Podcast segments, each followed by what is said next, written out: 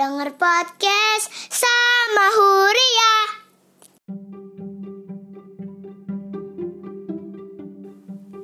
Assalamualaikum Halo selamat malam adik-adik teman Huria Iya. Sekarang kita akan mendongeng Petualangan Alice di Negeri Ajaib Nah ini dongeng petualangan Alice di Negeri Ajaib ini Akan menjadi episode terakhir podcast Dongeng untuk Huria Season 1 Nanti kita akan lanjut di season 2 Dengan konsep yang baru Iya. Mana? Alice di Negeri Ajaib Iya. Sore itu angin bertiup sepoi-sepoi. Alice duduk di samping kakaknya yang sedang membaca buku. Dia mulai merasa bosan. Hmm, mengapa kakak aku suka membaca buku membosankan tanpa gambar itu sih? Ya? Tiba-tiba, seekor kelinci berserta lanjas lewat di depan Alice dengan terburu-buru. Ya ampun, aku terlambat. Kelinci itu mengeluarkan sebuah arloji dari sakunya dan terus melompat. Wah, menakjubkan. Pak Kelinci, tunggu aku. Aku ingin ikut denganmu, kata Alice. Kelinci itu berlari menuju pagar. Alice mengejarnya, tapi kelinci itu menghilang, masuk ke dalam sebuah lubang. Alice pun mengikuti si kelinci masuk ke sana. Dinding-dinding lubang itu dipenuhi buku-buku, peta, dan lukisan. Di mana ujungnya? Apakah aku terjatuh ke pusat bumi? Alice terjatuh dan terjatuh, berputar-putar masuk ke dalam lubang kelinci. Ini negeri apa ya? Aku harus bertanya pada seseorang sesampainya di sana. Ketika Alice sedang mempersiapkan pertanyaannya, dia jatuh di atas tumpukan daun-daun kering di dasar lubang. Untungnya, Alice tidak terluka sama sekali. Dia pun bangun dan berdiri. Pada saat itu, si kecil lewat di depan Alice. Malam hampir tiba. Aku dalam masalah besar, kata kelinci. Pak Kelinci, tunggu sebentar. Alice cepat-cepat berbelok di tikungan untuk mengejarnya, tetapi si kelinci sudah hilang tanpa jejak. Duh, pintu mana yang dia masuki ya? Alice berusaha membuka semua pintu yang ada di koridor, tapi semuanya terkunci. Kemudian dia menemukan sebuah kunci emas di atas meja yang ada di koridor.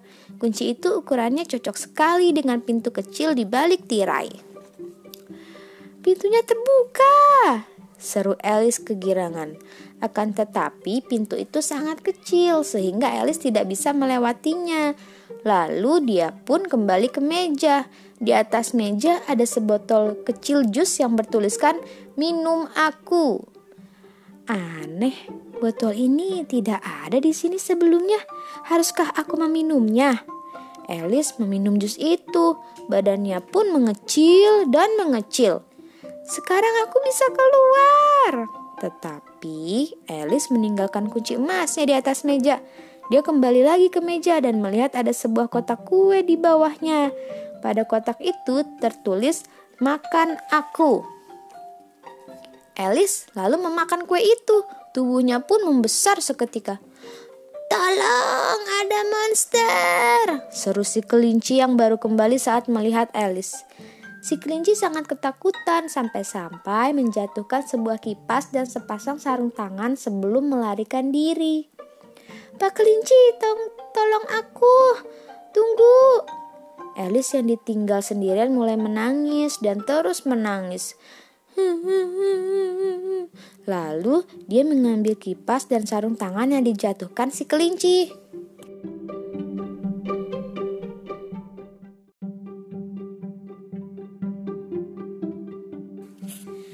Mengibaskan kipas itu beberapa kali dan berubah kembali menjadi kecil. Iya, Setelah itu, dia pun berlari mengejar si kelinci dengan sangat terburu-buru, sampai-sampai dia terjatuh ke dalam kolam air asin. Oh, asin sekali. Apakah ini air laut?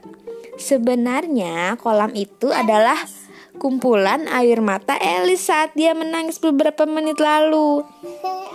Alice berenang ke tepian untuk keluar dari kolam itu. Hewan-hewan seperti seekor burung dodo dan bebek yang juga tercebur ikut berenang bersamanya. Ada tikus. Ada tikus, ada burung dodo yang sudah punah, ada bebek. Lalu mereka bersama-sama berenang keluar dari kolam air mata itu. Sekarang, bagaimana caranya mengeringkan tubuh mereka? Alice punya ide. Dia dan hewan-hewan itu sepakat untuk menggambar lingkaran dan mengadakan lomba lari. Mereka semua berlari mengelilingi lingkaran itu. Saat mereka semua kering, lomba pun berakhir. Kemudian si kelinci pun muncul kembali. Dia melihat ke sana kemari mencari-cari sesuatu yang dihilangkannya. Pasti pasti queennya queen. Queen ya. Bukan Oh iya, aku harus mengembalikan kipas dan sarung tanganmu. Namun, dia tidak bisa menemukan kipas dan sarung tangan si kelinci di mana pun. tapi kok gede tadi kecil. Hei kamu, ambilkan kipas dan sarung tanganku dari rumahku, seru si kelinci pada nggak- Tiba-tiba saja, si sekeliling Alice berubah menjadi daerah tempat tinggal si kelinci. Alice berjalan masuk ke dalam rumah si kelinci dan menemukan sebotol jus di atas meja. Karena penasaran, dia meminumnya. Seketika itu juga tubuhnya menjadi sangat besar sampai-sampai kepalanya menyentuh langit-langit rumah. Tapi kok kecil banget kayak seubet ha? Saat si kelinci melihat tubuh Alice menghalangi pintu masuk rumahnya, dia pun pergi. Tak lama kemudian, kelinci itu kembali bersama beberapa hewan lainnya. Mereka menarik sebuah gerobak yang penuh dengan kerikil. Atas perintah si kelinci, mereka melempar kerikil-kerikil itu kepada Alice. Tapi sesuatu yang aneh terjadi.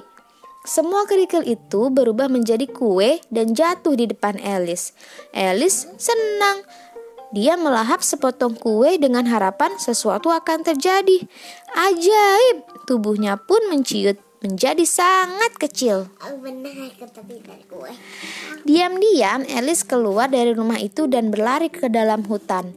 Tiba-tiba seekor anak anjing muncul dan menyalak kepadanya. Kalau saja aku tidak mengecil seperti ini, aku pasti akan bermain denganmu, anjing. Anjing mana? Gak ada anjing mulu Alice pun- adanya. Ini an- anjing pudel, jadi sangat besar. Alice pun mengambil sebuah tongkat dan melemparnya jauh-jauh. Saat anak anjing itu mengejar batang pohon itu, Alice cepat-cepat melarikan diri. Aku ingin kembali normal. Apa yang harus kulakukan? Alice terus berjalan sambil merenung. Tiba-tiba dia bertemu dengan seekor ulat bulu yang duduk di atas jamur. Ulat bulu, apa yang harus aku lakukan supaya aku bisa kembali seperti semula? Mudah saja, makanlah jamur ini. Alice pun langsung menelan satu gigitan jamur itu. Kemudian lehernya bertambah panjang, setinggi puncak pohon. Hmm. Tiba-tiba seekor burung merpati mematuk Alice sekuat tenaga. Eh, Ah, dasar ulat jahat. Kamu mau mencari telur-telurku ya? Alice yang bingung pun menjawab, "Eh, aku bukanlah seekor ular. Aku ini seorang anak perempuan." Alice menekuk lehernya untuk menghindari dahan-dahan pohon dan memakan jamur itu lagi. Untungnya segalanya berubah menjadi normal kembali. Tapi kok mulutnya dari tadi aku lihat mangap mulu sih. Alice yang sendirian lagi lalu bertemu dengan si kucing tersenyum, the smiling cat. Tapi di pohon. Jalan mana yang harus kutempuh kucing? Tanya Alice. Iya, ke kanan. Miau, pergilah ke mana pun yang kau suka, jawab si kucing. Miau miau. Siapa saja yang tinggal di sekitar sini? Alice bertanya lagi. Si kucing pun menjawab, Miau, ada si kelinci Maret yang tinggal di sebelah sana. Hah? Alice berjalan ke arah yang ditunjukkan si kucing. Di sana, si kelinci Maret dan si pembuat topi sedang minum teh di sebuah tikus meja. tidur, tikus tidur lagi tidur. Di antara mereka ada seekor tikus yang sedang tidur dan Aku mendengkur. bener kan? Kalau mendengkur gimana? Tahu benar? Sudah penuh, sudah penuh. Di sini masih ada tempat, kata Alice jujur lalu duduk. Apa kamu mau minum anggur? Tanya kelinci Marat kepada Alice. Tetapi meja itu sama sekali tidak ada anggur.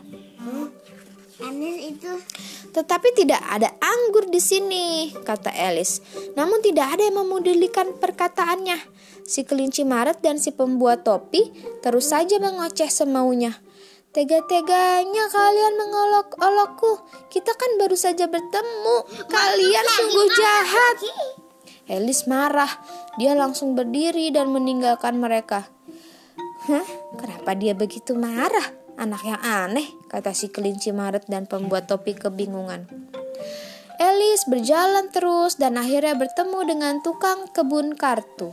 Mereka sedang mengecat mawar putih menjadi merah. aku tahu ini yang ratunya ratunya yang jahat aku suka banget. Mengapa kalian mengecat mawar-mawar yang indah ini? Tanya Alice penasaran. Hmm, seharusnya kami menawan menanam mawar merah, tetapi kami melakukan kesalahan dengan menanam mawar putih. Jadi kami harus mengecat semua mawar menjadi merah sebelum sang ratu tahu. Kalau sebeliau sampai tahu, kami semua akan dihukum. Oh, sepertinya ratu kalian sangat menyeramkan. Benar aku. Pada saat itu, seorang tukang kebun berteriak, "Ratu datang! Ratu datang!" Mereka pun berlutut dan menyambut sang ratu. Akan tetapi, sang ratu melihat mawar putih yang belum dicat. Dia pun marah, lalu memerintahkan para prajurit, "Penggal kepala mereka!" Waduh, jahat sekali. Ah, Para tukang kebun pun berlari kepada Alice meminta pertolongan. Alice menaruh mereka di pot bunga. Para prajurit mengira tukang-tukang kebun itu sudah dipenggal karena mereka tidak melihat kepala tukang kebun yang ditutupi pot bunga. Yang mulia ratu, kami sudah memenggal kepala mereka sesuai perintah yang mulia. Setelah amarah sang ratu lenyap, Alice menanyakan jalan pulang kepadanya. Aku akan memberitahukannya kalau kau mau bermain kriket, kriket bersamaku. Ya baiklah. Hari Minggu ya kan. Bagus, ayo kita bermain, teriak sang ratu. Para prajurit menyebar ke semua sisi, mereka membungkuk dan membentuk gawang. Alice memukul bola landak dengan tongkat flamingo. Namun, bolanya malah menggelinding ke samping. Benar-benar permainan yang sulit. Eh, Huria tahu kriket itu apa enggak? Enggak tahu. KitKat ya? Kriket, tahu enggak? Enggak. Kriket itu sebuah olahraga di mana orang yang berhasil memasukkan bola ke sembilan gawangnya yang kecil-kecil Itu aku tahu. dan kembali ke posisi awal adalah pemenangnya. Hmm. Nah, kriket itu adalah permainan yang sulit bahkan bagi sang ratu. Jadi, setiap permainan yang tidak disukainya akan diperintahkan untuk dipenggal. Akhirnya semua orang kecuali Alice mendapat hukuman mati. Kejam sekali. Tetapi sebenarnya diam-diam raja membebaskan mereka semua. Ketika permainan semakin ketat, Rajanya baik eh, tapi ratunya yang jahat. ratu memberi perintah. Griffon, antar anak ini kepada si kura-kura tiruan. Mungkin dia bisa menunjukkan jalan pulang kepadanya.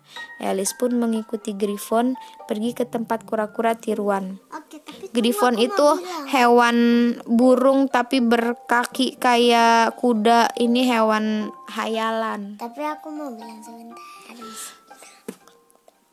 Tuan kura-kura, tolong beritahu aku jalan pulang. Tetapi kura-kura itu menangis terseduh-seduh sampai dia tidak bisa bicara sama sekali. Tiba-tiba, iya kayak Huria ya suka nangis ya. Iya dan nggak bisa mau ngomong. Kayak mampet aku di- Tiba-tiba terdengar sebuah jeritan di kejauhan. Pengadilan dimulai. Alice bergegas menuju tempat suara itu berasal. Di sana, Jack Hati sedang disidang karena dituduh mencuri dan memakan pai, pai ratu. Ketika Alice masuk, si pembuat topi sedang duduk di kursi saksi. Saya melihat Jack mencuri pai itu dan memakannya. Ratu yang marah pun berteriak, berani-beraninya kau mencuri paiku. Eh, ini yang tadi yang bilang Si pembuat topi itu. Iya, yang teh ini tapi bukan kelinci. Hukum dia. Melihat hal itu, Elis cepat-cepat berdiri dan berkata, "Si pembuat topi adalah seorang pembohong. Sungguh konyol menjatuhkan hukuman hanya karena kesaksian palsu." Akan tetapi, Elis ketika berbicara tubuhnya bertambah besar dan besar. "Bunuh monster itu," kata ratu. Monster. Mm-mm. Hu, pergi kalian, kata Elis sambil menghalau para prajurit kartu dengan tangannya. Pada saat itu, Elis melihat si kelinci sedang melarikan diri. Pak kelinci, tolong bantu aku kembali ke rumah. Ya, tapi tunggu ini kristalnya gede banget deh. Mm. Tetapi para prajurit. Tapi para prajurit kartu menghalangi Elis. Minggir kalian, jangan menghalang-halangiku. Karena tubuh Elis semakin besar, jadi prajurit kartunya menjadi kecil. Elis yang marah melempar prajurit-prajurit dengan tangannya. Elis, bangun Elis. Sudah waktunya pulang, Soalnya maghrib. kata sang kakak dengan suara lembut. Elis pun membuka matanya. Elis, kenapa kamu tidur begitu lama? Aku bermimpi aneh. Aku ada di negeri ajaib dan badanku menjadi sangat besar seperti monster. Prajurit kartu mengepungku dan aku takut tidak bisa pulang ke rumah. Tetapi syukurlah akhirnya aku selamat. Ini adalah mimpi yang tidak akan pernah kulupakan. Cerita Elis sambil tersenyum lega kalau semua itu hanya mimpi. Iya, tapi aku mau mainin Nah, makanya teman-teman sebelum tidur baca doa biar mimpinya nggak aneh-aneh kayak Elis. Nah, dongeng Alice di negeri ajaib ini terinspirasi dari cerita si penulis dongeng, yaitu Lewis Carroll, seorang profesor di Universitas Oxford. Jadi, ad- anaknya Bapak Lewis ini juga pernah eh, bercerita tentang mimpinya yang aneh itu. Jadi, dibikin cerita deh mimpi aneh itu tokohnya bernama Alice begitu oke sampai di sini dulu dongeng untuk har Horia Aku menarik banget, menarik banget itu Menarik cerita banget, ya. yang di real life. Heeh, tapi di real life nggak ada yang kayak gini Eh, cerita Alice ini sangat menarik. Eh, meng, apa ya membuat kita berimajinasi apa yang dialami oleh Alice. Oke teman-teman sampai jumpa di dongeng untuk Huria season 2 Dua sama Emar aku, sama Emar. Nanti akan ada teman-teman Huria ikut berdongeng. Iya, satu aja. Sampai jumpa. Bye bye Bye, Huria lagi.